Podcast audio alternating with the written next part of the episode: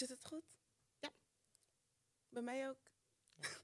Bij jij zit het goed hoor. Zit het goed? Ja. Goed zo.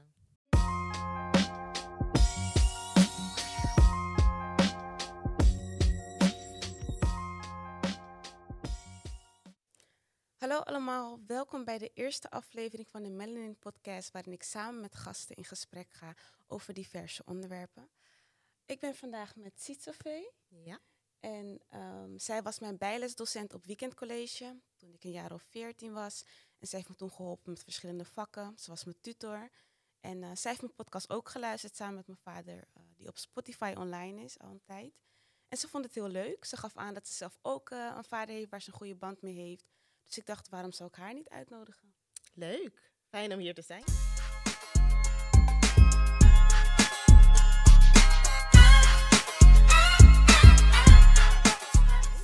Fijn om hier te zijn. Ja, Ja. heel leuk. Ja. En ehm, ja, je hebt, eh, hoeveel heb je mijn podcast eigenlijk ontdekt? Hoe heeft u... eh, Mhm. Hoe heb ik je podcast ontdekt? Doordat je het me vertelde.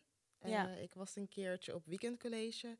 Ik moest daar waarschijnlijk een, een workshop voorbereiden of iets dergelijks. mhm. En toen kwam ik jou daar tegen. En toen vertelde je dat je tutor was. Wat ik natuurlijk heel erg geweldig vond. ja. En toen vertelde je ook dat je een podcast had met je vader. En ik dacht van, oh, dat wil ik meteen beluisteren. Ja, en het was echt heel grappig, want je was helemaal gechoqueerd. Je dacht, hè, je herkende me niet eens. Nee, maar ja, je gaf zelf in de introductie al aan. Je was 14. Ja. Ehm, en we zijn nu al een tijdje verder. ja, ik ben nu 19. Ze is nu 19. Ze is nu 19, oké. Ehm, dus ik, ik, ik hoorde van, ja, een oud leerling van jou die is tutor geworden. Ik dacht van, oké, nou, wie zal het zijn? En ik keek soort van over haar heen ook. Ja. En toen dacht ik, Imara, nee. Of ja. ja. Heel leuk vond ik dat. eh, maar inderdaad, in eerste instantie dacht ik van, wow. Oké, maar dat hoort er ook bij, hè. Van, ehm, de, de, je, wordt, je wordt gewoon ouder. Ja, Je verandert ook een beetje. Je Ja. wordt volwassen. dat is... En je was een beetje gechoqueerd natuurlijk van... Wauw, mijn leerlingen worden zo groot en de tijd gaat snel. Ja, ja, ja, ja, dat had ik ook inderdaad. Maar alsnog heel erg geweldig. Ja, hè? Heel leuk. En dat je een podcast hebt. Ja, en ik ben heel blij dat je er vandaag bent en we gaan er gewoon een mooi gesprek van maken. zeker. Nou, we hebben beide een digibord, of een digibord, een whiteboard in Ja. onze handje, handen met een eh, stift. En eigenlijk heb ik een korte opdracht. Eh, we maken een schets van waar we onszelf zien over vijf jaar. En dan laten we dat even zien aan de kijkers, leggen we het uit. En daarna gaan we ons voorstellen. Wie ben je, leeftijd en waar kom je vandaan? Oké. Oké, ik moet wel zeggen, ik ben geen, eh, wat is het, Leonard, wat is het? Picasso. Picasso. Ja, ik ben geen Picasso, dus... eh, Nee, maakt niet uit. Ik kan ook niet tekenen, dus... eh, nee. nee, maar ik kan echt, echt niet. Oké, zie je? Het gaat al verkeerd.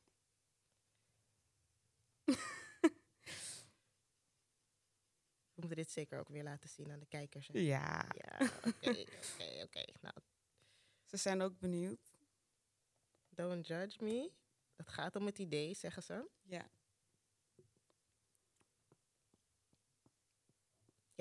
Ready. Oké, ja? Ja. Drie, twee, één. Nou, dan mag jij beginnen. Mag ik beginnen? Ja. Oké, nou, ik heb eh, zoals je ziet een, ja, wat is het? Een lamp, een lampje, een lightbulb Ja. getekend. En eh, dat staat eigenlijk voor creatieve ideeën of ideeën gewoon op zich. Omdat ik wel iemand ben die vaak met ideetjes rondloopt. En dat is iets wat ik, waar ik me nu mee bezig hou. Ja. Verschillende concepten uitdenken, eh, willen uitwerken. eh, Mhm. En dat hoop ik in de toekomst ook te, te doen. Ja. Ehm, dus ja, de vraag was van waar zie je jezelf over vijf jaar? Over vijf jaar heb ik eh, ideeën uitgewerkt. Ja. Over vijf jaar ben ik met nog meer nieuwe ideeën bezig. Mhm. En wat voor, wat voor ideeën werk je bijvoorbeeld nu aan of denk je over na? Heb je een voorbeeld? Ja, zeker. Ehm, een concept waar ik nu mee bezig ben is... Ja, het ligt een beetje in de lijn van kennisoverdracht. Hè, wat ik als Mhm. tutor ook deed. Omdat ik het heel erg fijn vind om met jongeren te werken. Ja. En ehm, iets wat in de voorbereidende fase zit, ga ik er niet heel veel over uitweiden natuurlijk, Ja, is ehm, snap ik. om hetzelfde te doen met jongeren nu. Dus gewoon kennisoverdracht in een bepaalde format. Heel Heel leuk. abstract allemaal, maar Ik ben benieuwd. Ja, ik ga je zeker volgen. En eh, dat lampje staat voor shining ook een beetje, toch? ja, ook een beetje ook inderdaad. Ehm, ja, stralen, ehm, je licht laten zien natuurlijk. Mhm. Anderen inspireren of motiveren misschien om hetzelfde ook te doen. Ja. Hun eh, licht te laten stralen. Ja. Dus eh, ja, dubbele betekenis. Nou, heel mooie uitleg. En eh, voor de kijkers zelf, een soort Mhm. korte voorstel. Leeftijd, waar kom je vandaan? Ja, oké. Eh, nou, ik ben Sietse Vekwarshi. Ik ben 25 jaar. Ik ben opgegroeid in Amsterdam Zuidoost. Dus dit is mijn thuishaven. En als ik zeg dit, we nemen het op. We zijn eh, in, eh, in Amsterdam Zuidoost. Ja. Dus dit is mijn thuishaven. Ehm, van afkomst ben ik Ghanese, of oorsprong moet ik zeggen, Ghanese. Ghanese Nederlandse. En eh, verder ook nog student. Ik studeer rechtsgeleerdheid, staats- en bestuursrecht aan de Universiteit Leiden. En een bezig bijtje. Daar komt het. Leuk, Ja. leuk. Nou, dan gaan we over naar mijn schets. Heel benieuwd. Ik heb een microfoon met wat hartjes eromheen. Ehm, de microfoon staat eigenlijk voor wat ik nu al doe. Ja. Ik eh, doe bijvoorbeeld een podcast. Maar ik zou heel graag ook verder gaan in de journalistiek. En graag ehm, hosten bij events bijvoorbeeld. Of meer presenteren. Dat lijkt me heel erg leuk. En daaromheen heb ik wat hartjes getekend. Omdat ik graag niet alleen liefde wil ontvangen. Maar ook meer wil overbrengen. Dus liefdevol omgaan met mensen. En graag ook liefde ontvangen van anderen. Ja, dat is heel mooi. Ja. Ja. En eh, voor de mensen die het niet weten, ik ben Imara Simpson, 19 jaar oud. Ik studeer media en journalistiek aan de VU. En ik, hou me, ik, ik werk ook als bijlesdocent. En ehm, ik hou me heel veel bezig met presenting, et cetera. Mooi. Nou, dat was dan even de introductie.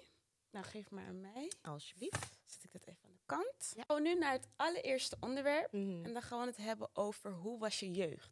En dat is best wel een brede vraag. Ja. Ehm, dus ik ga het even specificeren. Mhm. Je bent opgegroeid in Amsterdam Zuidoost. Ja. Op welke middelbare school heb je gezeten? Ik heb niet in Amsterdam, of ik, ben niet in, ik heb niet in Zuidoost op school gezeten, Nee? maar in West. Mhm. En ik heb op twee middelbare scholen gezeten.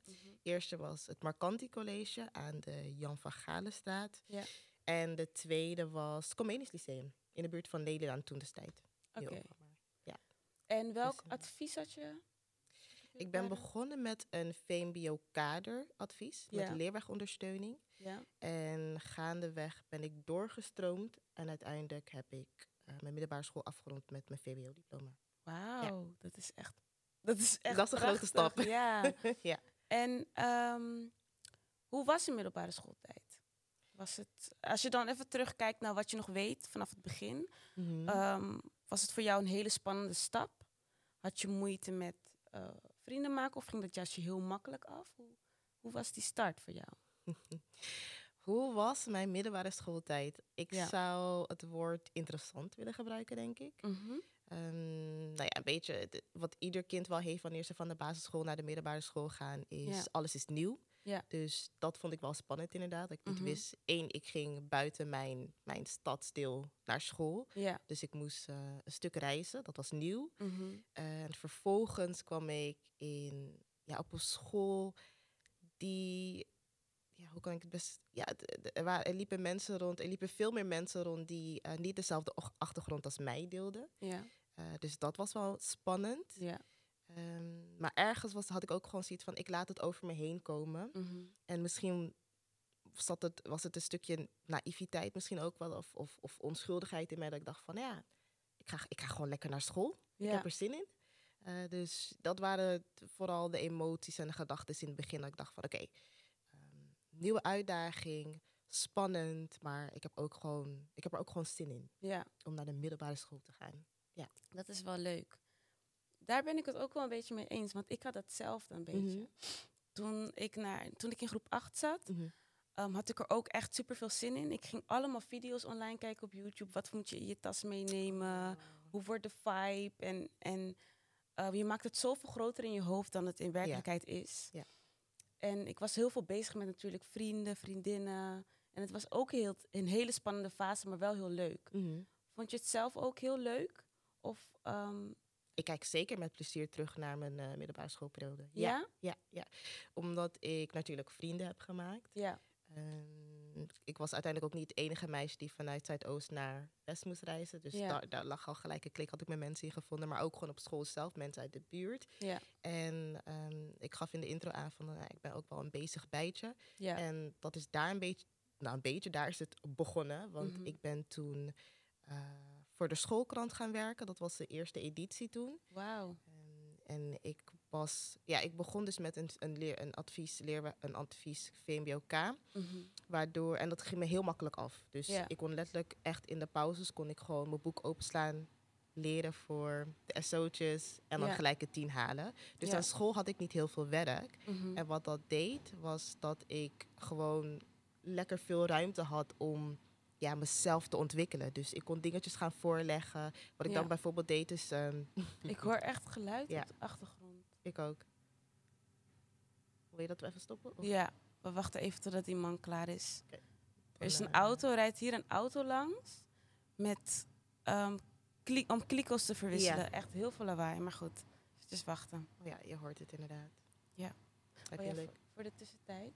Ehm, als je een Oké. Want was de middelbare schooltijd voor jou altijd leuk of ehm, niet altijd? Ja, ik heb er heel veel plezier aan gehad. Mijn middelbare schoolperiode. Ja? Ik kijk er zeker met heel veel plezier op terug. Mhm. Ehm, en dat komt omdat ik in het begin gewoon lekker bezig kon zijn met mezelf. Ja, zelfontwikkeling sowieso. Als je naar school gaat, dan ben je bezig met zelfontwikkeling. Maar ik begon dus met een VMBOK-advies. Ja, En dat ging me zo makkelijk af. Ehm, omdat het niet mijn niveau was, niet mijn advies eigenlijk. ja. En daardoor had ik heel veel vrije tijd.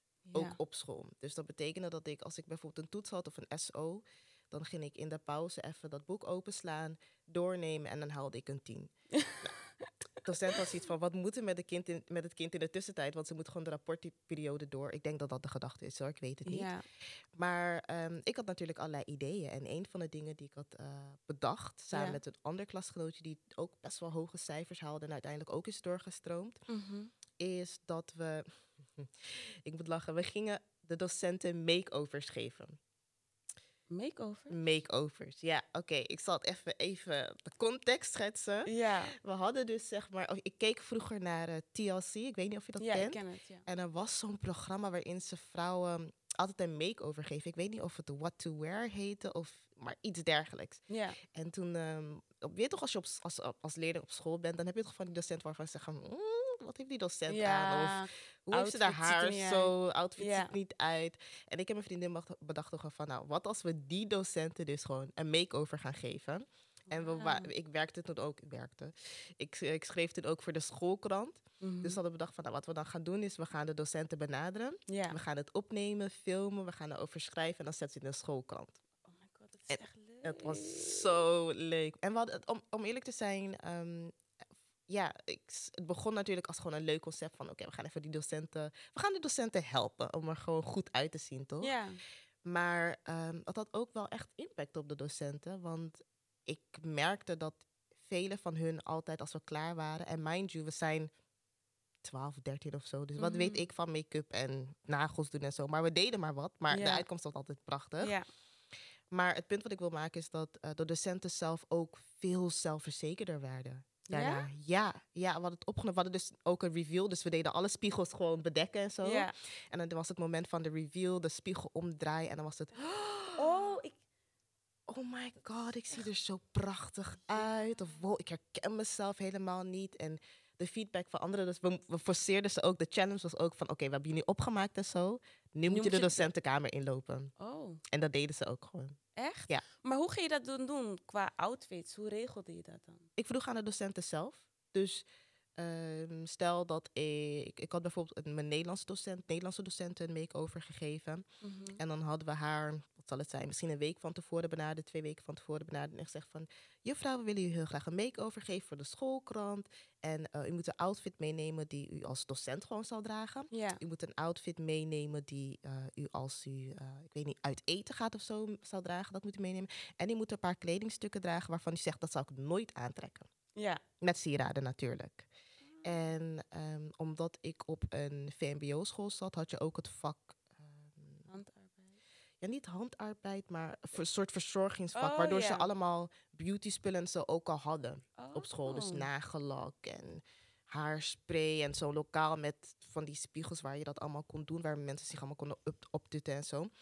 Dus toen dacht ik van nou, dit is onze ruimte, let's go. En eh, we zijn er gewoon ingedoken, docenten opgemaakt. Maar zulke dingen deed ik tijdens eh, mijn Ja. middelbare schoolperiode. Dat is echt leuk. Ja. Want zeg maar hoe je ook begon, hè, eh, vanuit Mhm. VMBO Kader met leerwerkondersteuning. Het grappige is dat ik dat als voorlopig advies had gekregen in Oh, wauw. Dus toen, ehm, dat is ook wel een leuk verhaaltje trouwens, Mhm. jongens. Heel benieuwd. Ehm, en dat wil ik je straks ook een beetje vragen hoor. Maar eh, mijn vader en vooral mijn vader was eigenlijk heel erg van hij wil wat ik al in mijn podcast vertelde, het uiterste uit je als kind halen. En hij zag graag VWO of HAVO voor ogen. Dus ik had Mhm. die druk ook op mezelf gezet van oké, ik wil HAVO VWO. Maar uiteindelijk bleek aan de hand van mijn resultaten dat, dat vanuit de CITO-toets dat dat er niet echt in zat. De normale tussentoetsen, aardrijkskunde en zo, dat ging wel. Mhm. Maar de CITO-toets was eigenlijk kader VMBO-T. En ehm, mijn juffrouw gaf toen als voorlopig advies VMBO-kader met leerwegondersteuning. Maar die leerwegondersteuning sloeg nergens op. Nee, Want leerwegondersteuning is eigenlijk voor een kind die echt niet kan leren. klopt. Weet je, dus het sloeg nergens op op basis van de resultaten. En ehm, mijn ouders waren gewoon echt heel boos, omdat ze het niet vonden kunnen dat ze dat had opgeschreven. Mhm. Weet je, Mhm. want de meeste ouders zouden zeggen, oké, is goed. Maar je zag eigenlijk van mij als jong kind, zag je al dat die potentie erin zat. Dus Ja. kader met leerwegondersteuning sloeg nergens op. Nee. Maar ik als kind dacht, jawel, dat hoort bij mij, weet je. Mijn ouders willen gewoon te hoog voor mij. Oké. Dus ik was een beetje van, weet je, laat maar. Maar mijn ouders niet. Dus die is met, zijn meteen naar de directrice gegaan. Van, ehm, ja, dit, dit kan gewoon niet. Dit, dit advies past niet bij haar. Mhm. En toen zijn ze het opnieuw gaan onderzoeken. En toen zagen ze van, nee, dit is inderdaad waar. En toen kreeg ik VMBO-T. Dus ik startte in de eerste klas met VMBO-T. Dat ging redelijk. Ik vond wiskunde heel erg lastig. Tweede als ik je even mag onderbreken, want daar ben ik ook wel benieuwd naar. Ja, Over dat stukje van, hè, dus jij had het idee, van leerwegondersteuning past wel bij mij. ja. Op het moment dat je ouders dan naar de directie toestapten, voelde je dan een beetje, ja, wat is het? Ik weet niet of het woord verraden is, maar had je dan het idee van, ze vragen gewoon te veel van me? Of wat, ja, wat, dat wat- dacht ik echt. Ik Ja? was super onzeker. Ik dacht als kind gewoon van, ik kan het niet aan. Mhm. je, je- en dat is dus het gevaarlijke, hè? Want uiteindelijk heb ik VWO afgerond in zeven jaar. Dus ik kon wel meer. Dus mijn ouders hadden gelijk. Het was Ja. alleen misschien niet aan het begin zo. En misschien hadden ze wat kunnen minderen. Maar ik, heb, ik ben wel blij met mijn ouders. Mhm. Dat ze gewoon achter hun kind zijn gaan staan. Niet zijn gaan zeggen van, oh ja, dit is het maximale. Want dan zou ik misschien al deze dingen niet hebben gedaan. ja. Omdat ik altijd heel klein zou hebben gedacht. En het is wel grappig dat we... Grappig, het is eigenlijk ernstig het is ernstig. dat we beide gewoon advies hebben gehad die totaal niet aansloot bij ons. Ja. En het gevaar van onderadvisering is ook, ehm, en vooral als je het label leerwegondersteuning opgeplakt krijgt, is dat je toen destijds, ik weet niet of dat inmiddels veranderd is, maar Mhm. dat je keuzemogelijkheden qua scholen ook enorm beperkt wordt. Want je moet per se naar een school die leerwegondersteuning aanbiedt. Ja. Ehm, en dat is hoe ik. Tuurlijk zijn er ook scholen in de buurt die eh, leerwegondersteuning hadden. Maar mijn ouders hadden zoiets van twee dingen. Natuurlijk een beetje wat jij ook aangaf van. Nou, vooral, Mhm. ik herken mijn dochter niet in het advies wat ze, me hebben, in het advies wat ze haar hebben opgelegd. Ja. En ehm, ik wil dan ervoor zorgen dat mijn dochter buiten Zuidoost op school komt te zitten. Ja. Eh, want blijkbaar doen de scholen in Zuidoost ja, het verkeerd. Of ze doen iets, iets verkeerd in ieder geval. Ja. En ik wil ervoor zorgen dat ze zichzelf niet beperkt. Dus heel erg herkenbaar wat je zegt. ja. En hoe was jouw vader daarin? Want ik had voornamelijk dat ik merkte dat mijn vader heel vaak eh, daar heel streng in was met cijfers en adviezen. Had jij dat hetzelfde of viel dat wel mee? Nou, ik denk, eh, sowieso heb ik een vader die heel erg, die onderwijs en educatie heel erg belangrijk vindt. Ja. Altijd zo geweest. Dus Ja. ehm, toen ik op de basisschool zat, nam hij de huiswerkopdrachten die ik kreeg, zo nam echt serieus. Ik moest Ja. ook echt ervoor gaan zitten. Geen tv, geen niks voordat het huiswerk was afgerond. En hij ging het ook nakijken of ik het had gedaan en zo. Dus ja. eh, mijn, oude, mijn vader die zat er wel echt bovenop. ja. Maar toen ik begon met de middelbare school, zoals ik al aangaf, ik deed het echt gewoon met twee vingers in mijn neus. Dus mijn vader die liet me gewoon los. Had zoiets van...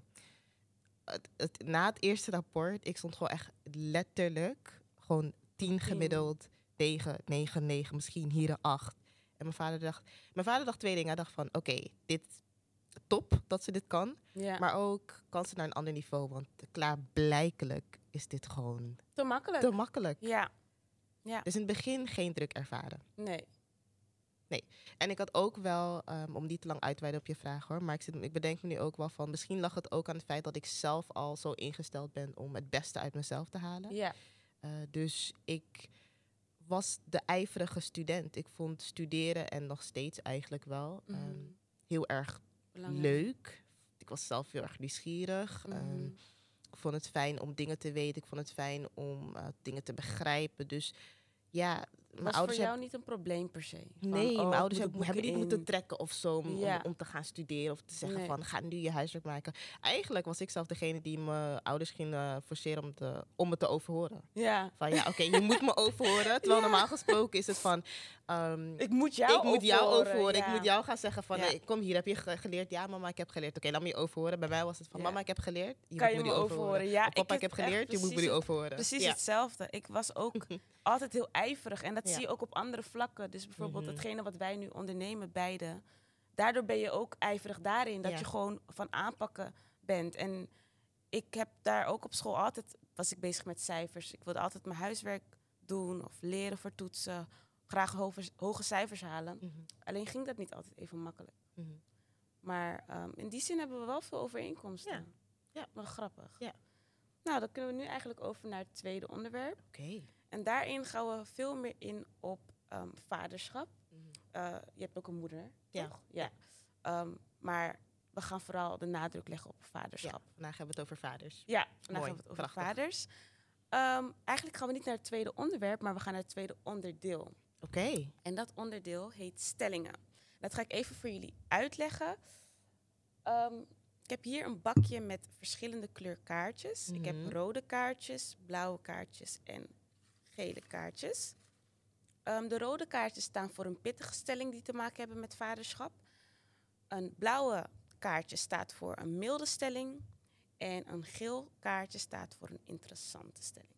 Oeh. En jij mag de kleurkaart zelf kiezen. En daar staat dan een cijfer op. En die cijfer mag je opnoemen. En dan ga ik de stelling oplezen. En dan gaan we daarover discussiëren. Oké, nou, ik weet natuurlijk gelijk wat voor soort stelling ik wil. Ik Geel, hè? Interessante Ja. stelling. Dat dacht Dat je al, dacht je ik, het. al. Dus ehm, ik ben heel benieuwd. Oké. Ik heb nummer 8. Heel leuk. Ik hoopte dat het die was. Ja? Oké. Oké. Criminaliteit Oeh. wordt veroorzaakt door afwezige vaders. Dus nog een keer. Criminaliteit wordt veroorzaakt door afwezige vaders. Oneens. Oneens. Ja. Oké, ik, moet er ook even over nadenken. Zoals de stelling geformuleerd is in ieder geval, zou ik zeggen oneens. Ja, ik ook. Maar. Dus let- hoe het letterlijker staat, kan je dat niet zeggen. Maar je zou er wel over kunnen discussiëren. Zeker, want wat ik, wat ik dan bedoel is van, hè, de- stelling is, criminali- criminaliteit wordt, wordt veroorzaakt door de afwezigheid van vaders. Ja. Oneens, Mhm. maar de afwezigheid van vaders kan wel een hele grote bijdrage leveren aan. Precies. Ik denk, ja, Ja, ik ben je- dan misschien heel erg. Je kan niet te makkelijk zeggen oorzaak-gevolg. Nee, zeker niet. Want het heeft natuurlijk allemaal verschillende factoren. En nu zeg je eigenlijk dat het één factor is en dat zijn afwezige vaders. Ja, en misschien ook wel een hele zwaarwegende factor. Ja. Dus het is niet zomaar een factor, het is wel echt een zwaarwegende factor, omdat ik zelf ehm, van mening ben dat vaders wel een soort anker zijn in het gezin zelf, Ja. maar ook in de samenleving als geheel. Mhm. De, de rol van vaders is enorm belangrijk. Ja. En als we dan hebben over criminaliteit, of dat nu voor jongens of voor meisjes is, Ja. eh, want heel vaak gaan we dan gelijk hebben over hoe, hoe jongens hun vader nodig hebben, meisjes ook heel erg. Heel erg, ja. Heel erg. Mhm. Ehm, dus ja, de, de afwezigheid van een vader, dus een eenoudergezinnen, afwezigheid van een vader, dat kan een enorme invloed hebben op, op de keuzes die jongeren gaan maken. Ja, dat geloof en ik ook zeker. op eh, met wie ze zich uiteindelijk gaan, ehm, ja, hoe noem je het? Met wie ze uiteindelijk omgaan, hun, hun circle, hun omgeving. En Ja. dat kan leiden tot criminaliteit. Ja. ja. Dat, dat, daar ben ik het ook wel mee eens. Want ik denk zeg maar zelf van... Een vader, zoals ik het heb gezien... die zorgt er wel voor inderdaad dat kinderen... een bepaalde soort sturing krijgen. Mhm. Een moeder kan niet alleen maar ervoor zorgen... dat alle drie de kinderen luisteren. Mhm. Dat wat alle drie de kinderen doen. Als vader ben je vaak toch wel wat dominanter en Ja. wat krachtiger. Ja. En heb je wat meer invloed op wat je zegt tegen die kinderen. Vaak merk je toch wel van in gezinnen waar eenoudergezinnen voorkomen... dat wanneer die moeder het even niet weet... dat die dan naar de vader gaat. Van ja, ik ga je vader voor je bellen, want je misdraagt je. Mhm. Vader en de moeder die hebben twee verschillende rollen. En een van de dingen die typerend is eh, aan de rol van een vader is dat hij visie geeft aan het gezin. Ja. Hij geeft, zoals jij al gaf, aangaf, sturing aan het gezin.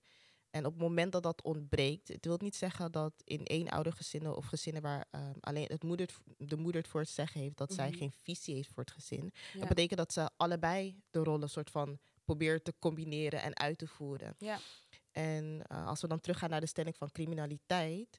Kijk, op het moment dat de vader afwezig is en de moeder degene is die ehm, ja, het gewoon in de eentje moet eh, doen. het in, het, in haar eentje moet doen. Praktisch gezien, vanaf praktisch oogpunt, is het heel vaak zo. Heb ik ook gezien eh, met het werk wat ik met jongeren heb verricht. Is dat moeders dan heel vaak gewoon hele lange uren maken. Ze moeten Ja. werken. ehm, raken ook gefrustreerd raken soms. ook gefrustreerd. Soms niet alleen maar de aanwezigheid van vader, maar ook een aanwezige vader. Ja, Want er zijn ook gezinnen. waar die vader er is, maar hij doet helemaal niks. Hij doet helemaal niks. Het is gewoon Ja. een vraagteken wat we daar zien zitten op de bank. Ja, eh, met alle respect. ja dat maar heb je ook. eh, ja, de, de, conc- de eindconclusie, ik denk dat we allebei over eens zijn van vaders zijn enorm belangrijk, aanwezige vaders zijn enorm belangrijk en kunnen er zeker voor zorgen dat eh, De kinderen... kans op criminaliteit kleiner wordt. Ja. Ja. Ja, dat geloof ik ook. Ja. Nou, dan kunnen we nog een stelling. Zal ik er eentje pakken? Ja. Ik wil eigenlijk voor een pittige stelling gaan. Oh, maar vol- volgens mij weet je al wat... Nee, maakt niet uit, want Ik weet niet eh, welke. Want oké. het is allemaal door elkaar. dus oké. ik pak gewoon eentje. Ja. Ga je gang. Even kijken. Nummer twee. Nou, die heet... Mhm. Zwarte mannen hebben vaak geen vaderfiguur gehad in hun leven. En daar ben ik het gedeeltelijk mee eens. Omdat ik zelf wel heb gezien dat het heel vaak voorkomt dat generatie op generatie ehm, vaak een vader afwezig is. En dat je dan vaak praat met een man en die zegt, ja, ik heb zelf geen vader gehad, dus ik weet niet hoe ik een vader moet zijn. Ehm, en dat je dat dan zo door blijft gaan, hè? dat het een vicieuze cirkel Mhm, wordt. En dat er dan uiteindelijk één iemand is die het wel doorbreekt. Mhm. Maar dat als je terugkijkt, dat het toch wel heel vaak voorkomt. En dat zien we ook in onze omgeving. Ja. Dat steeds, nou niet steeds meer, maar dat het gewoon dat je heel vaak hoort en leest dat ehm, zwarte kinderen geen vader hebben gehad. Mhm. En dat zwarte mannen dan daardoor als antwoord geven: ja, maar ik heb het ook niet gehad, dus ik weet Mhm. niet hoe ik het moet zijn. Mhm. Dus daarom ben ik het gedeeltelijk eens met de stelling. Maar ehm, je kan natuurlijk niet zeggen dat het altijd zo is. Maar de Nee. stelling zegt vaak. Ja, de reden waarom ik het... Ik merk dat ik het best wel lastig vind om deze stelling te beantwoorden. Verschillende gedachten. Eén, ik kijk naar mijn eigen ervaring. Ja. Ehm, nou ja, ik heb een vader gelukkig die heel erg aanwezig is. En Ja. hij heeft zelf ook een vader gehad die heel erg aanwezig was. En Mhm. Ehm, ik heb mijn opa eigenlijk nooit gevraagd hoe het met zijn relatie met zijn vader zat. Maar eh, qua context, ik gaf in het begin aan van, hey, ik ben Ghanese. Dus mijn ouders die, die zijn opgegroeid in Ghana. En ja, wel gewoon een goede relatie. Mijn vader heeft wel een goede relatie met zijn vader. Mhm. Ehm, ze bellen nog steeds, er is gewoon contact. Ja. Ehm, dus dat, dat beïnvloedt hoe, Hoe ik deze stelling ziet. zie natuurlijk. maar ik ben ik. er ook heel erg van bewust dat Ja. wat jij omschrijft, dus dat ehm, zwarte kinderen of zwarte vaders in eh, het leven van zwarte kinderen gewoon heel vaak ontbreekt, hun, hun aanwezigheid. Of Mhm. dat vaders aangeven van, hé, ik heb zelf geen vader gehad. Of ik, ik ben me er heel van bewust dat die, die situaties zich voordoen. Ja, Het is alleen niet mijn eh, situatie precies. geweest. Mhm. En voor mijn vader ook niet. Dus nee, voor hem was het niet zozeer het doorbreken van een visie. Tuurlijk, er zijn bepaalde dingen die je, waarvan je zegt, als ik vader word, dan ga ik dat anders doen. Heeft Ja. hij ook moeten, die beslissing moeten 100%. nemen. ja. Maar het is voor hem niet een ding geweest van, oké, ik heb zelf geen vader gehad, dus ik eh, doorbreek de, de, de cyclus nu. Nee.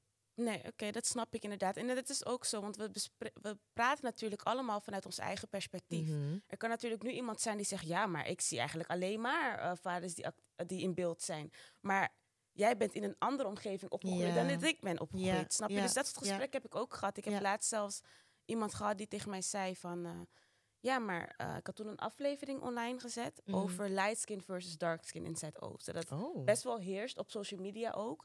Dat eh, een light skin met krullen heel erg wordt verheerlijkt en een dark skin ehm, met afrohaar Mm, minder. mm, mm. Dat het vaak wordt gezegd, oh, dat haar is niet mooi of wat dan ook. Of grapjes over wordt gemaakt. Dat zie ik letterlijk gebeuren. Ik heb nu het nog steeds?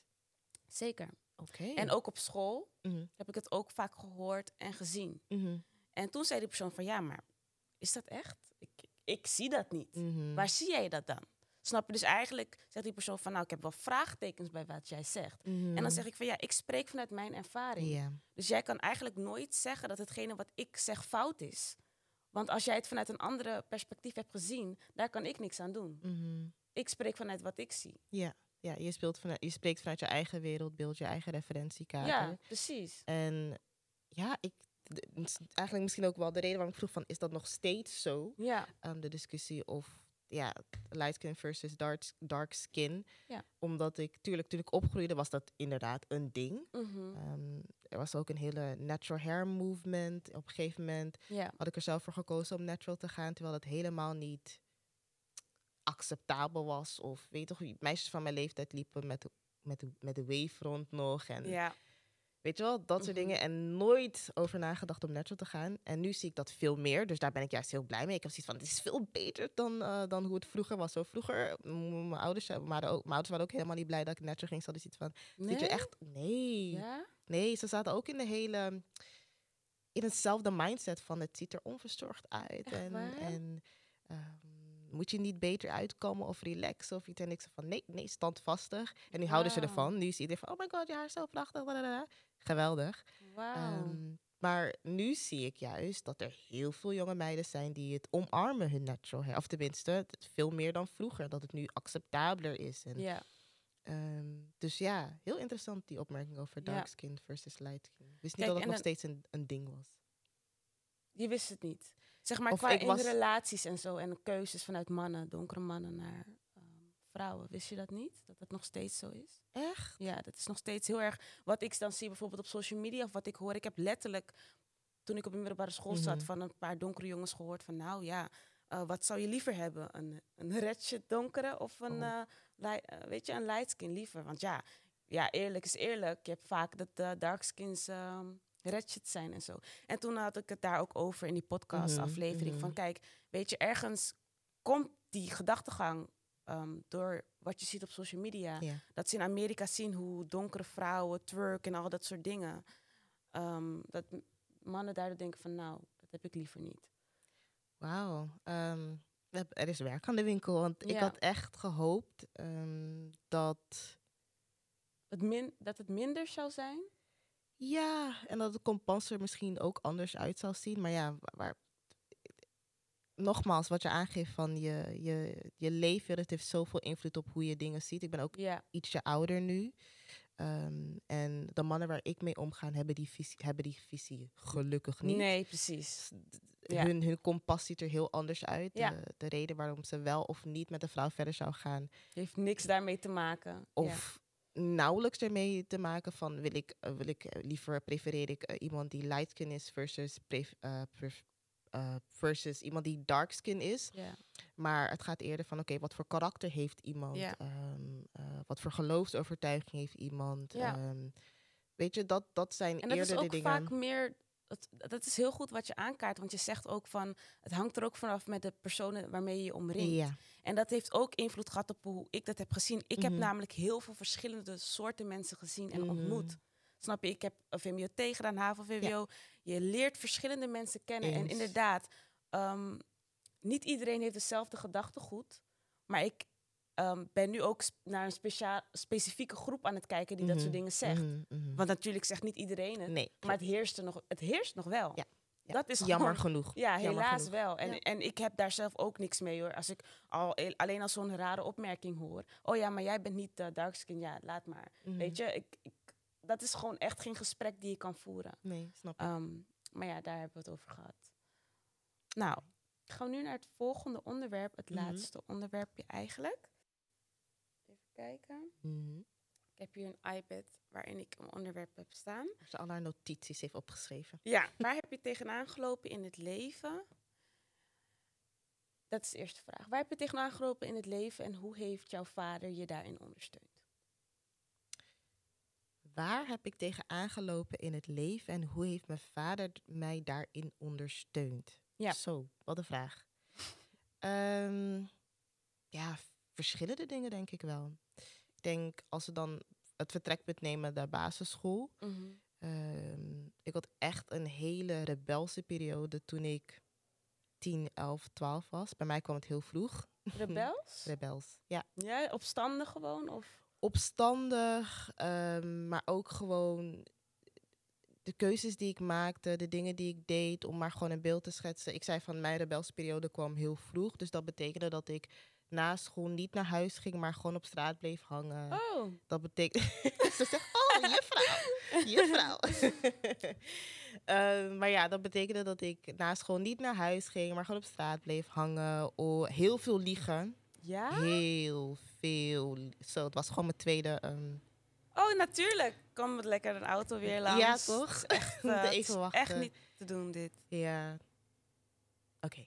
Ja. Eh, maar zoals ik al zei, heel veel liegen. Het was vrijwel mijn tweede natuur. Ehm, heel opstandig thuis ook gewoon. Ja. Mijn ouders die waren best wel streng. Mhm. Ik zie ook wel dat ze me anders hebben opgevoed dan mijn jongere broertje bijvoorbeeld. ja. Dat is vaak zo, hè? Ja, dat ze dan de die oudste zijn heel lief zijn. Dat hoor ik echt vaak. En dan de jongste wordt echt als een prinsesje behandeld. Ja, ja, ja. Maar ik denk dat het misschien ook wat te maken heeft met van je bent het eerste kind. Dus dan ze zijn het ze heel nog goed doen. Ze heel Ja. goed doen en ze zijn zoekende van oké, waar hoe gaan we de grenzen communiceren? Misschien, Ja. En ze zijn ook een stuk jonger, hè? Dat, dat, dat moet, je, moet je ook bedenken van je bent het eerste kind, dus ze zijn ook jonger. En als ze dan later meer kinderen gaan hebben, dan zijn ze iets ouder, iets wijzer. Ze hebben al gezien van hè, zo gaat dus ja, Ja. Dus je ging gewoon opstandig doen. ik ging gewoon. maar waarom dan? Je was, je was gewoon op zoek naar jezelf. Nou, jij was kind natuurlijk. Ja, waarom dan? Ik, ik, ik twee, twee, nou ja, even, eh, ik zit even na te denken van, oké, dit was de scheidslijn, maar waarom was ik zo opstandig? Ik was gewoon heel erg verlo ja, verloren, Eh, mezelf kwijt. Ehm, Hoe oud was je? ja, zoals ik al zei, 10, 11, 12. Dat was mijn periode. Dat ik, eh, dus dan zit je in groep Zes. 6, 7, 8. Mhm. Ehm, ik had op mijn negende een auto-ongeluk. Toen was ik, ja, ik was, eh, ik ging, oh, ik ging eh, tijdens het oversteken ben ik aangereden. Oh. En daarna, ehm, toen moest ik stoppen met de dingen waar ik heel erg veel passie voor had. Dat was taekwondo bijvoorbeeld. En ik moest nog Mm. één soort, laten we zeggen, examen afleggen om een zwarte band te halen bijvoorbeeld. Oh, en ik was heel erg fanatiek erin. En eh, muziek en gewoon je hele leven wordt soort van om zijn kop gezet. Ja. En ehm, op een gegeven moment raakte ik ook gewoon beïnvloed door eh, de mensen om me heen. Mhm. Kinderen die gingen op een hele jonge leeftijd experimenteren. Ehm, en ik zelf ook. Met, ehm, ja, met, met seks, met eh, opstandig doen, met stelen, met gewoon alles wat van God los is, bij wijze van. En deed je daar dan aan mee? Eh, Of had je soms dat je dacht, nou, dit ga ik echt niet doen? Ja, bij sommige dingen had ik wel zo echt van eh, bijvoorbeeld nooit, nooit drugs aangeraakt of iets dergelijks. Mhm. Ehm, geen alcohol, geen. ehm, ja, ik had wel, ik had wel bepaalde dingen van oké, dat, ga, dat ga ik echt niet doen. Mhm. Eh, maar de dingen die ik dan wel deed, bijvoorbeeld, was ehm, geld van mijn ouders stelen. Ja, nee, ja. ben je serieus? ik ben heel serieus. Heb je dat echt gedaan? Ik heb dat echt gedaan. Jammer genoeg. Sorry mama en papa. Ze hebben me al vergeven. Ik ben nu ik echt. echt eh, niet verwachten. Ja. Maar, maar, ik, maar ik ben wel even benieuwd, hoeveel Tuurlijk. pakte je dan bijvoorbeeld? Gewoon tientje? Nou- of was het echt eh, best heftig dat je gewoon echt 50 euro of ik, was je er slim in? ik zal je zeggen, ehm, ik heb geen idee Ja. Ik heb echt oprecht geen idee. Ehm, maar wat er gebeurde was... Mijn vader die had zo'n... eh, over vaders gesproken. Die had zo'n... Ja, hoe moet ik het noemen? Een soort fles, maar van plastic... waarin hij allemaal munt, muntjes verzamelde. Ja. En het was echt zo, zo groot. En had er meerdere van. Helemaal vol. En eh, op één dag dacht ik gewoon van... Ik ga het gewoon pakken. Alles. Nou, ik heb niet gelijk alles kunnen pakken, want ze kwamen er, hij kwam er natuurlijk Ja, achter. Hij er gewoon naar beneden gaan. Oh Vraag me wat ik met dat geld heb gedaan. Ehm, Oh ja. Ik Nee, God helemaal stress van jou. Hoezo? Ik, ik denk na over wat ik zou meemaken als ik dat zou doen. Ja, nee, maar het was ook op. Ik, ik lach er nu wel om, maar het was een hele stressvolle periode voor mijn ouders ook, omdat gewoon Ze hun, het hun onschuldige dochter verandert in een soort nou, ik- Terror. terror inderdaad. Ja, in een soort in, in echt, echt oprechte terror. Ja. Ehm, en op een gegeven moment moest ik ook uh, naar de directie gaan. En ik weet nog, was één moment, en dat blijft me altijd bij, Mhm. is dat, ik weet niet, volgens mij had ik een heel klein akkefietje. Ik was, ik, ik was niet echt van het vechten, wel van Mhm. vechtsport, maar echt van het vechten, omdat ik dacht van, ja, als ik nu met mensen ga vechten, dan... Gooi ik je echt? Goh, ik, echt dus dat, dat doe ik niet. Nee. Uh, maar er was iets gebeurd waardoor ik ging vechten met een soort vriendinnetje van mij. Ja. En ik moest, mijn ouders werden, of mijn vader werd gebeld, moest naar de directie. En dat was in de periode dat ik allemaal deze dingen aan het doen was. En mijn Stapelde vader zat daar op. op. die stoel. En hij was woedend? Nou, hij begon te huilen. Nee. Ja. Hij draaide zich om naar mij. Ik zat zo achter en hij vroeg me echt van, Wat is er met je? waarom doe je dit? En ik zo, geen idee. En ehm, nou ja, laten we, laten we dan maar gewoon doorspoelen naar toen het weer goed ging. Wat, wat het verschil heeft gemaakt en hoe mijn vader me daarin heeft Ja. ondersteund. Oprecht, hetgene wat het verschil heeft gemaakt voor mij was letterlijk eh, mijn relatie met Jezus. Ja. Dat heeft het verschil gemaakt, oprecht. Ik, ging, ik ben opgevoed in een christelijk huishouden, maar zoals je aan mijn verhaal hebt kunnen horen, was ik er daar niet echt heel erg mee bezig. Nee. Ehm, ik vond het zelfs verschrikkelijk om naar de kerk te gaan. Mhm. Eh, ik vond het niet leuk, maar nou ja, we gingen gewoon omdat mijn ouders namen ons elke zondag mee, elke vrijdag, zondag mee. En op mijn twaalfde toen gingen we een keer naar een dienst. En ik, het, het klikte gewoon. Ja. Het klikte gewoon voor mij. Het heeft oprecht mijn leven veranderd. Mhm. En daarna, daarna eh, was ik, kan ik oprecht zeggen dat ik ja, weer mezelf was. Is misschien niet de juiste term, maar ik, ik liet al die dingen gewoon los. Die rebelse periode. mijn verlangens veranderden. Ik had geen zin meer om met, met, met de mensen om te gaan waarmee ik omging. Ik had geen zin meer om eh, gewoon ja, te stelen, dat liegen. Dat, dat Ja. liet ik gewoon allemaal los. Mhm. Ehm, en toen was ik twaalf. Ja. En toen ging ik ook naar de middelbare school. Dus het, liep, het viel een beetje samen van oké, ik laat het oude allemaal achter me en ik ga Mhm. naar de middelbare school. Ik heb nu een hele grote stap gemaakt. Ik heb gezegd van oké, ik ga nu echt, ik, ik wil nu echt gewoon christen zijn. Ik wil nu echt gewoon eh, ehm, Verdiep in God. verdiepen in God en volgen zoals hij van me verlangt. Ja. En dan ga je naar de middelbare school. En daar heb je ook allerlei verle- verleidingen en eh, Ja. eh, eh, obstakels. Maar ja. met Gods genade heb ik het allemaal gewoon kunnen overtreffen of door, door kunnen, doorheen kunnen gaan. Dus Dat is echt heel mooi. Ja. Ehm, ik was zelf ook heel dramatisch. Een dramatisch kind. Dramatisch. Oké, niet traumatisch, maar dramatisch. Ja, ja, ja. Oké. Ehm, op de basisschool. Mhm. Ehm, ik, heb, ik, deed, ik loog nooit tegen mijn ouders. Want als er één ding was Mhm. wat mijn vader niet accepteert en waar Mhm. hij echt heel boos van wordt, is het liegen. Dus je kan echt andere dingen doen, wordt hij ook boos. Maar liegen, hem voor de gek houden, dat echt niet. Dus ik, ik niet, deed hoor, dat maar- echt nooit. Ik loog nooit. Ehm, maar ja, ik was best wel druk toen Mhm. ik klein was. En een heel zwaar kind gewoon. Die Wat- altijd gewoon haar eigen weg wilde gaan. Ehm, a- toen ik... Het begon... Wat is dat voor geluid? Geen idee. Het ik zat ook aan het denken, maar oké. begrijp We het laten het gaan. Het begon eigenlijk toen ik drie jaar oud was. Toen luisterde ik nooit. ehm, ik ging altijd dingen omgooien. Eh, gewoon heel irritant. Omgooien? Ja. Mijn moeder de- had het laatst verteld dat eh, ze hadden dan een kerstboom in huis. Toen was ik drie. En ik ging alle ballen gewoon eraf gooien. En dan echt mijn moeder aankijken. En Niet de terrorpeuter. ja, en dan viel gewoon alles kapot op de grond. En Jee. vakantie was een hel. Ik huilde de hele dag door. Och. Dan gingen ze eten en dan wilde ik weer van tafel. Mhm, en als dat niet mhm. gebeurde, zette ik de hele boel op stel. Dus ik was Mhm. heel, heel zwaar. En mijn vader zei altijd tegen mij van... Toen ik dat zag als kind, toen jij zo jong was... was ik heel bang voor hoe jij zou worden als je ouder bent. Dus hij dacht van, oké, ik hij moet heel ik er erg op bovenop gaan zitten. Ja. Want dat gaat uit de hand lopen als ik daar nu niet op zit. ja. Want dit, dit zijn al signalen van, oké, dit kan een moeilijk kindje worden. En toen is op de basisschool werd hij heel streng, weet je, alles in de hand houden. alles in de hand houden. En ehm, eh, ja, ik mocht, ik mocht wel wat, hè. ik mocht wel naar vriendinnen en zo, maar ik mocht Mhm. niet slapen. En Mhm. eh, heel veel strenge regels daarin. Huiswerk altijd. eh, zelfs 60 bladzijden lezen, echt heel strikt. En ik haatte dat zo erg. Ik heb zelfs een dagboek waarin ik schreef: ja, nu moet ik dit weer doen, nu, nu moet ik dat weer doen. Weet je, ik ben helemaal klaar mee. Ehm, En eh, ja, ik was eh, een roddeltante, had mijn juffrouw gezegd. Mhm. Op de basisschool dat ik veel sprak en over mensen sprak. En eh, ja, ik pikte ook niks van niemand op de basisschool. Ik was echt best wel, ik was best fel soms, maar ook wel weer heel erg kwetsbaar.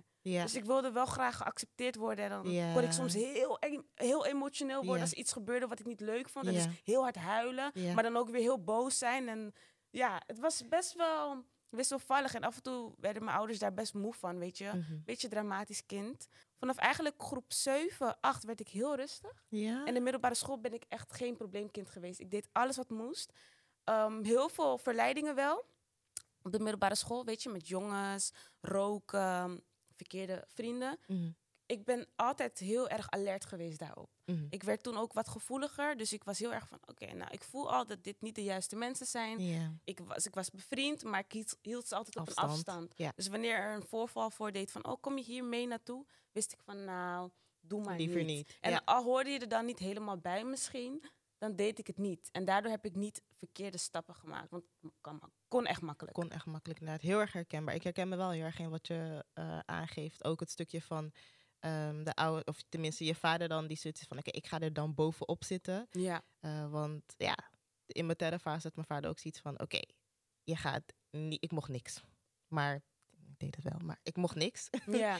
Ehm, niet bij vriendinnen gaan slapen, bijvoorbeeld logeren kon echt niet. Ik kon ehm, niet gaan optreden of iets. Ik zat in een dansgroepje. Ik kon niet. Ik, ik was gewoon. Mijn ouders waren gewoon van school naar thuis, school naar huis. ja, dat is ook wel Eh, geen leven. Dat, is ook geen leven. En eh, ik zat dan ook muziek, op muziekles en sport. Dat was het school, muziekles, sport. ja. Ehm, dus dat was mijn leven. En ik begrijp de keuzes die ze wel hebben gemaakt. En één ding wat, ik me, wat in me opkwam terwijl ik je zo hoorde vertellen, en dat, dat heb ik ook voor mezelf. Mhm. Hoewel ik toen destijds ook dacht van, wat voor leven is dit? Wat voor vader heb ik?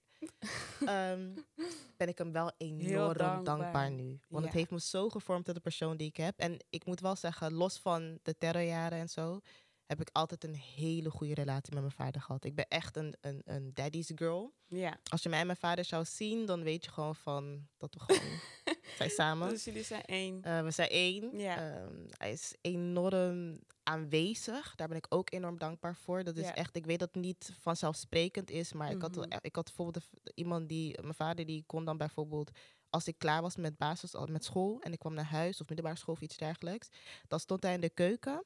En dan had hij een chefskostuum aan, had hij gekocht tijdens Koninginnedag toen destijds. Ja. En dan was hij roze bami aan het maken, want hij had kleurstof ontdekt.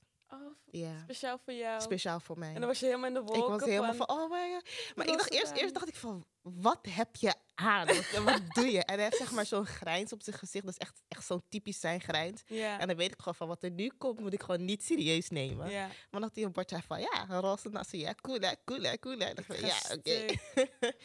Ehm, en ik kon ook gewoon bijvoorbeeld gaan winkelen voor mijn eerste corporate job, bijbaantje. Ging ik bijvoorbeeld met mijn vader samen winkelen. Ja.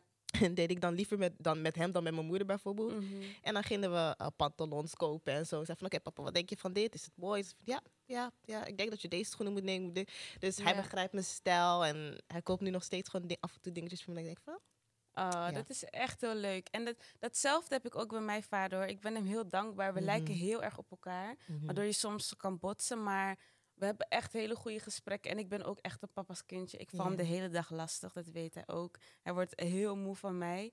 Maar het is wel, ik ben hem zo dankbaar voor hoe hij uiteindelijk is geweest. Want daardoor ben ik wel krachtig geworden. Ja. En die kracht heb je nodig in het leven. Want hij kon een hele zachte en liefaardige vader zijn. Maar dan zou ik misschien het leven ook niet aan kunnen. ja, dat, Want het leven is niet Ja, zacht en liefaardig hoor. ja, dat is echt zo. Ja, Dus dat is wel echt heel leuk. Ja, Nou, we hebben echt eh, leuk gesproken. zeker. Hebben we nog, heb je nog kort een boodschap? Een, een korte boodschap voor vaders ehm, in het algemeen? Nou, ik denk dat ik dan eerst zou willen beginnen met mijn dankbaarheid uit te spreken voor de vaders die aanwezig zijn in het leven Ja. van hun kinderen, vooral zwarte vaders. We waarderen jullie enorm. Misschien doet de maatschappij dat niet genoeg. Eigenlijk weet ik dat de maatschappij dat helemaal niet genoeg doet. Mhm. Maar we zien het, ehm, we waarderen het enorm en we ja, willen ook gewoon echt dat jullie daarmee verder gaan. Ja. Eh, daarnaast ook nog even aanstippen van voor de, voor de mannen die misschien niet zelf vader zijn, maar vaderfiguren. Ja, Eh, zijn is ook prachtig. echt heel erg dankbaar. Vind Ja. ik heel belangrijk dat jullie ehm, jullie zo opstellen in de samenleving, in gezinnen en bijspringen waar het kan. Ja. Ehm, gezinnen ondersteunen, zeggen van oké, weet je wel, ik pak het wel op als vader, een vaderfiguur, dus daar ben ik heel erg blij mee. Mhm. En misschien aan de, een oproep voor de, ja, de nieuwe generaties vaders. Ja. Dus dat is, eh, ehm, Probeer je best te doen om er te zijn en het verschil te maken. ja, alsjeblieft, jullie zijn enorm waardevol. Dus Ja. wees je ervan bewust welke rol je inneemt, of Mhm. gaat innemen, moet ik zeggen. Ja. Wees er te zijn voor je kinderen, geef niet op. Want zoals je uit ons verhalen misschien hebt Het is kunnen niet horen, altijd makkelijk is het natuurlijk. niet altijd makkelijk, maar het is wel, het is misschien niet makkelijk, maar het is wel waardevol. Ja. Dus, eh. Prachtig. Ik vond het echt een hele leuke uitzending. Ik ook. We hebben echt uiteindelijk een echt leuk gesprek Ja. gevoerd. Echt, echt, echt. Het is echt heel leuk. Ja. ja ik vond het eh, gezellig. En ehm, ik ben blij dat je er bent geweest. Mhm. En hopelijk zie ik je nog een keer. Ja, dat zal heel erg leuk zijn. Ja. Misschien kunnen we een Ja. keertje samenwerken met jouw plannetjes. Ja. Misschien sluit ik daar wel mooi bij aan. ja, wie weet, wie weet. Ik heb al een gevoel dat... eh, ik voel iets. Oké, nou Ja. dat is mooi om te horen. Nou, heel erg bedankt voor het luisteren en kijken. Ehm, ik zie jullie weer bij de volgende aflevering. Ik ga om de twee weken uploaden. Ik hoop dat jullie het heel leuk vonden. Af en toe hebben jullie misschien wat overlast gehoord qua geluid. Ik hoop zo erg dat jullie daar niet te veel last van hebben gehad. Uh, maar het is heel vroeg in de ochtend, dus misschien dat daarom uh, allemaal auto's rijden en uh, dingen gebeuren. Maar ik hoop dat jullie er niet te veel last van hebben gehad. Heel erg bedankt voor het luisteren en kijken en ik zie jullie de volgende keer. Doei.